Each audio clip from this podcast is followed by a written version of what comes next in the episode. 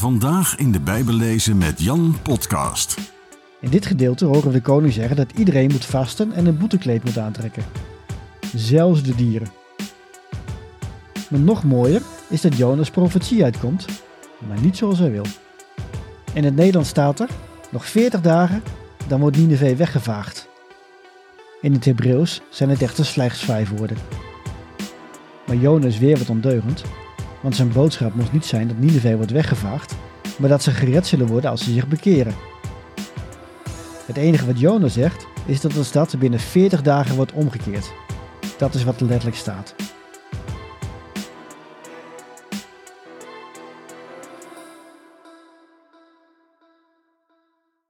Welkom terug bij de podcast Bijbel lezen met Jan.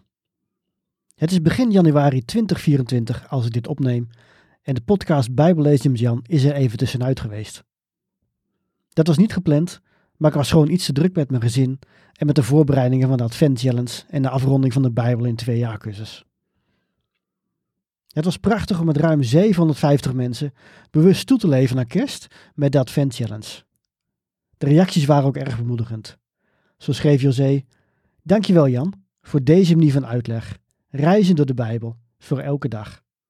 Het geeft houvast, meer inzicht en dichter bij onze Vader. Wat is de Bijbel een geweldig mooi boek?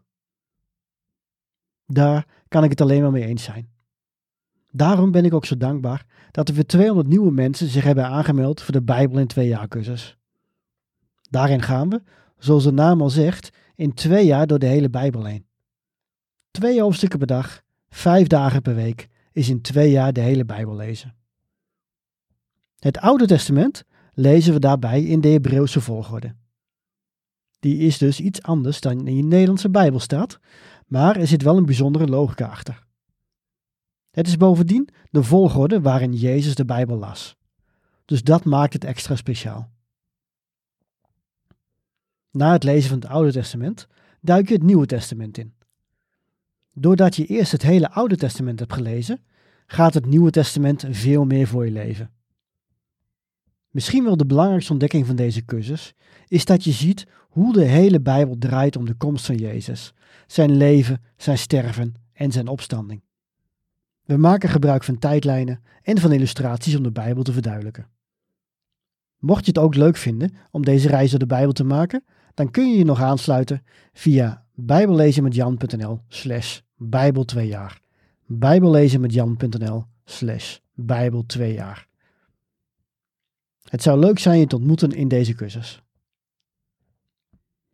Dan de plannen voor de podcast. In het eerste seizoen van de podcast was wat ik deed vrij simpel. Ik ging aan de hand van mijn eigen boek, De Bijbel in één dag, de hele Bijbel door. Ik vatte boek voor boek samen. In het tweede seizoen heb ik een beetje geworsteld met de podcast. Hoe wil ik verder? Vooral solo-afleveringen waarin ik de Bijbel lees en iets uitleg? Of vooral interviews en gesprekken waarin we samen de Bijbel lezen? Inmiddels heb ik meer duidelijkheid over de rol van deze podcast. Ik ga voornamelijk solo-afleveringen maken waarin ik thema's in Bijbelgedeelten behandel. Daarbij kijk ik erg naar vragen die ik krijg van cursisten, lezers en luisteraars. Af en toe kunnen er bonusafleveringen zijn met gasten. De reguliere afleveringen hoop ik elke maandag online te kunnen zetten, maar het kan zijn dat het een enkele keer wat later in de week is of dat het helemaal niet lukt. Maar goed, terug naar de thema's.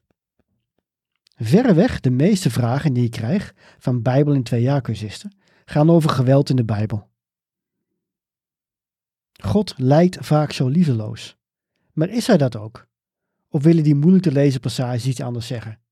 Waarom staan ze in de Bijbel? En wat vertellen ze over God en de mens? Dat wil ik in een korte podcastserie gaan onderzoeken. Waarschijnlijk zullen dit vijf afleveringen worden. Maar de eerste themaserie van de podcast gaat over het leren lezen en begrijpen van Bijbelse verhalen. De Bijbel bestaat uit verschillende typen teksten, voornamelijk verhalen, poëzie en uiteenzettingen. De geboorte van Jezus in Lucas is bijvoorbeeld een Bijbels verhaal. Als Matthäus in Matthäus 5 vertelt over Jezus' toespraak op de berg, dan is dit een uiteenzetting. En Psalm 2, die gaat over de eeuwige koning, is een gedicht over Jezus. Bijbelse verhalen worden echter iets anders verteld dan wij gewend zijn. Voor ons is een verhaal vaak verzonnen, terwijl een journalistiek verslag voor waar wordt aangezien. Maar mensen die leefden in de periode dat de Bijbel zich afspeelde, zouden onze krantartikelen niet begrijpen. Ze zouden waarschijnlijk gewoon niet snappen wat de boodschap was van die feiten. Andersom is het zo dat wij verhalen in de Bijbel toetsen aan onze verwachtingen. Dat leidt tot spanning, want de Bijbel laat bijvoorbeeld bewust veel details weg die voor ons zeer relevant zijn. Daarover in toekomstige afleveringen van de podcast meer. Nu wil ik, als een soort van inleiding, kijken naar een van de vreemdste verhalen in de Bijbel. Het verhaal over de profeet Jona. Deze overdenking is ook onderdeel van de Bijbel in 40 dagen challenge. Geniet ervan. Jona's satire, onze spiegel. Jona is een kort verhaal en waarschijnlijk het meest bekende Bijbelverhaal voor iedereen die ooit naar zonderschool is geweest. Het is een boek met een diepe boodschap en heeft bovendien een unieke vorm. Jona wordt tot de profeten gerekend, maar het is een heel ander boek dan die van de andere profeten. Het gaat namelijk niet over de profetie van Jona, maar het is een verhaal over de profeet Jona zelf. Hij komt er bovendien niet best van af. Nu moet je ook nog weten dat Jona op één andere plek wordt genoemd in de Bijbel, namelijk in 2 Koningen 14. Dit is een korte passage over een van Israëls slechtste koningen, Jeroboam II.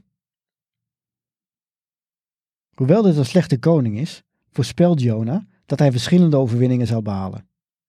Dat gebeurt ook, maar een andere profeet, Amos, vertelt Jerobeam juist dat Israël in handen zou vallen van een ander volk en dat Jerobeams nageslacht zou worden uitgeroeid. Het punt is dus dat je kunt afvragen of Jona wel zo'n goede profeet was. Vertelde hij de koning wat hij wilde horen? Of had hij de boodschap van Amos moeten brengen? Je kunt daar een vraagteken zetten bij Jonas' karakter. En dan komen we aan bij het Bijbelboek dat zijn naam draagt. Jona blijkt een opstandige profeet te zijn, die niet blij is met het feit dat God zijn vijanden lief heeft. Jona is bovendien uniek in de Bijbel vanwege de literaire stijl. Het boek is namelijk satire. Dat wil zeggen dat het een humoristisch boek is waarin we te maken krijgen met platte personages die compleet anders reageren dan je zou verwachten. Zo heb je enerzijds natuurlijk de profeet Jona, een man van God. Tenminste, dat zou je denken. Maar juist hij, de Israëliet die God vereert, is ontrouw en rent zelfs weg van Gods opdracht. Dan heb je nog de zeemannen, van wie je zou verwachten dat zij geen principes hebben en goddeloos zijn. Toch hebben juist zij ontzag voor God. Het volgende personage dat we zien zijn de inwoners van Nineveh, inclusief een koning.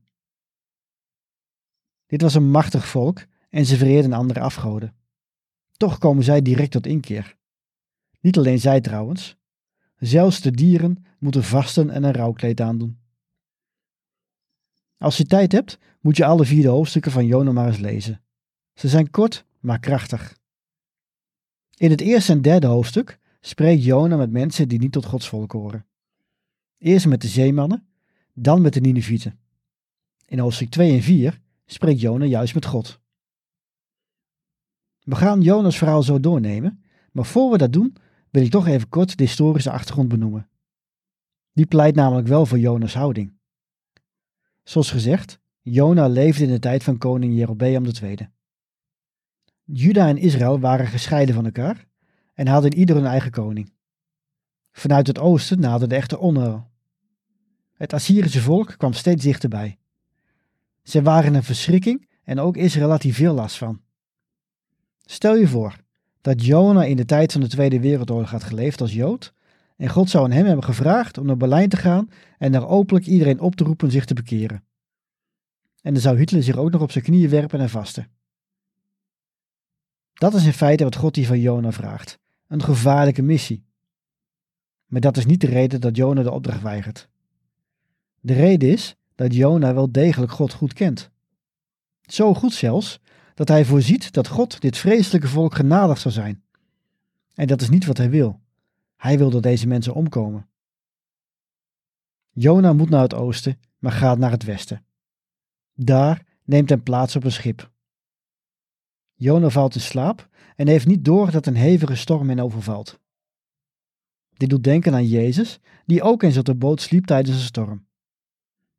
De zeelui zijn bang en willen weten wie ervoor verantwoordelijk is dat ze dreigen te vergaan. Ze werpen het lot en dat wijst Jona aan als een schuldige. Laten we gaan lezen. Dit staat in Jona 1. Toen zeiden ze tegen hem: Vertel ons, hoe komt het dat deze ramp ons treft? Wat doe je hier aan boord? Waar kom je vandaan? Uit welk land kom je? Bij welk volk hoor je? Jona antwoordde: Ik ben een Hebreeër en ik vereer de Heer, de God van de hemel, de God die de zee en het droge gemaakt heeft. Nu werden de mannen nog veel banger, want ze hadden van hem gehoord dat hij was weggevlucht van de Heer. Ze zeiden tegen hem: Hoe heb je dat kunnen doen? En ze vroegen hem: Wat moeten we met je doen dat de zee ons met rust laat? Want de zee werd hoe langer hoe onstuimiger. Hij antwoordde: Gooi me in zee, dan zal de zee jullie met rust laten, want ik weet dat het mijn schuld is dat deze storm zo tegen jullie tekeer gaat. Dus, Jona weet dat hij de God dient die het land en de zee heeft gemaakt. En toch vlucht hij van het land de zee op. Lekker slim. Aan zo'n God kun je toch niet ontsnappen? Nu lijkt het erop alsof Jona zichzelf opoffert door voor te stellen dat ze hem overboord gooien. Is Jona dan zo nobel? Absoluut niet. Uit de rest van het verhaal blijkt namelijk dat Jona liever doodgaat dan dat hij naar Nineveh gaat. Maar het is voor een Jood ondenkbaar dat hij zelfmoord pleegt en dus wil hij de zeemannen voor zijn karretje spannen. Daarmee zouden zij schuldig worden aan zijn dood. De mannen zijn zich hier bewust van en weigeren, totdat ze geen keuze meer hebben. Maar ze bidden God wel om vergeving en brengen offers. Normaal gesproken zou Jona sterven in het kokende water, maar God redt hem door hem te laten opslokken door een vis. Iemand die niet christelijk is, zal al snel zeggen: Zie je wel dat de Bijbel onzin is? Hoe kan dat nou? Drie dagen in de vis. Laat me je dit vertellen. Als God het universum kan maken, kan hij ook een vis creëren die een mens kan inslikken. Sterker nog, er zijn wel eens potvissen gevonden met een hele mens erin. Maar dat is niet het punt van het verhaal. Het punt is dat Jona drie dagen als dood was. Het was alsof hij was gestorven. Er was geen hoop meer. Totdat Jona eindelijk zijn blik op God richt. Het is net alsof hij dan weer tot leven komt, alsof hij opstaat uit de dood. Hij dankt God voor zijn trouw en zijn hulp. Maar let op wat Jona niet doet. Hij toont geen berouw. Wel is hij eindelijk gehoorzaam en gaat hij naar Nineveh nadat de vis hem heeft uitgespuugd. Gods genade is er dus niet alleen voor de Assyriërs, maar ook voor Jona. God herhaalt zijn opdracht aan Jona en ditmaal trekt hij dus naar de hoofdstad van het Assyrische Rijk. Het is een gigantische stad en je hebt wel drie dagreizen nodig om door de stad te trekken. Dan zegt de Bijbel dit. Jona trok de stad in, één dagreis ver, en riep, nog veertig dagen, dan wordt Nineveh weggevaagd. De inwoners van Nineveh geloofden God. Ze riepen een vasten uit en iedereen, van hoog tot laag, hulde zich in een boetekleed. Toen de profetie de koning van Nineveh bereikte, stond hij op van zijn troon, legde zijn statiegewaad af en ging, gehuld in een boetekleed, op de grond zitten. En hij liet in Nineveh omroepen: Volgens bevel van de koning en zijn edelen is het niemand toegestaan te eten of te drinken, mens noch dier, rund noch schaap of geit. De dieren mogen niet grazen of water drinken. Iedereen, mens en dier, moeten zich hullen in een boetekleed en luidkeels God aanroepen. Laat iedereen breken met zijn kwalijke praktijken en met het onrecht dat hij doet. Misschien dat God dan van gedachten verandert en afziet van zijn voornemen. Wie weet zal hij zijn woede laten varen, zodat wij niet te gronden gaan. Toen God zag dat ze inderdaad braken met de kwalijke praktijken, zag hij ervan af en te treffen met het onheil dat hij had aangekondigd. En hij deed het niet. Hier zien we dus dat Jona satire is aan de bovenste plank. Satire wil overigens niet zeggen dat het verhaal dus verzonnen is. Ik geloof dat Jona echt heeft geleefd en dat de stad Nineveh echt tot inkeer is gekomen. Maar de vorm waarin de Bijbel dit communiceert is satire. Zo maakt het gebruik van overdrijving. We zagen al het voorbeeld dat Jona over land en zee vlucht, terwijl hij weet dat God land en zee heeft gemaakt. In dit gedeelte horen we de koning zeggen dat iedereen moet vasten en een boetekleed moet aantrekken. Zelfs de dieren. Maar nog mooier is dat Jona's profetie uitkomt, maar niet zoals hij wil. Jona preekt slechts vijf woorden. In het Nederlands staat er, nog veertig dagen, dan wordt Nineveh weggevaagd. In het Hebreeuws zijn het echter slechts vijf woorden. Maar Jona is weer wat ondeugend, want zijn boodschap moest niet zijn dat Nineveh wordt weggevaagd, maar dat ze gered zullen worden als ze zich bekeren. Het enige wat Jona zegt, is dat de stad binnen 40 dagen wordt omgekeerd. Dat is wat er letterlijk staat. Het Hebreeuwse woord voor omkeren, dat de NBV 21 dus vertaalt met wegvagen, betekent ook tot inkeer komen. En dat is wat er gebeurt. De stad komt tot inkeer. Jona's woorden komen dus uit, maar niet zoals hij wil. In het slothoofdstuk gaat Jona boos op een heuvel zitten. Hij is zagrijnig omdat God zijn vijand lief heeft en hun genadig is. Tweemaal vraagt God aan hem of het terecht is dat Jona zo boos is. Om zijn punt duidelijk te maken, laat God een boom opschieten om Jona schaduw te geven. Daar is Jona erg blij mee. Misschien ziet hij dit wel als een daad van liefde. Maar zoals God eerder een vis stuurde om Jona te redden uit het water, zo stuurt hij nu een worm om de boom op te vreten, zodat Jon weer in de zon zit. En dan staat er in Jona 4. Maar God zei tegen Jona: Is het terecht dat je zo kwaad bent over die boom? Jona antwoordde: Ja, het is terecht dat ik kwaad ben. Was ik maar dood. Toen zei de Heer: Als jij over verdriet hebt om die wonderboom, waar je geen enkele moeite voor hebt hoeven doen en die jij niet hebt laten groeien, een boom die in één nacht opkwam en in één nacht weer verging, zou ik dan geen verdriet hebben om Nineveh, die grote stad waar meer dan 120.000 mensen wonen, die het verschil tussen links en rechts niet eens kennen, en dan nog al die dieren? Tot zover de Bijbeltekst. Dat is het einde van Jona. Hij antwoordt de Heer niet en we weten niet hoe het met hem is afgelopen. Gods vraag blijft hangen. En dat is precies de bedoeling. Jona is volgens mij een waargebeurd verhaal, maar het wordt verteld als een lange gelijkenis. Jona is namelijk niet alleen Jona. Jona is ook Israël. Israël wilde Gods trouw voor zichzelf. Ze wilden wel vergeving ontvangen, maar het niet geven. Assyrië moest worden verwoest, terwijl de Heer Israël genadig moest zijn. Maar had Israël dan iets gedaan waardoor ze Gods genade verdienden? Waren zij niet net als Jona telkens in verzet gekomen tegen God? Maar Jona is niet alleen Israël. Wij zijn ook als Jona. Hoe vaak doen wij niet het tegenovergestelde van wat God van ons vraagt? Hoe dankbaar zijn wij voor zijn genade? Waarom claimen we Gods genade voor onszelf, maar willen we niet dat hij genadig is voor onze vijanden? Het Bijbelboek Jona doet wat Jezus doet in zijn gelijkenissen. Het verhaal lijkt over een ander te gaan, maar het gaat uiteindelijk over ons.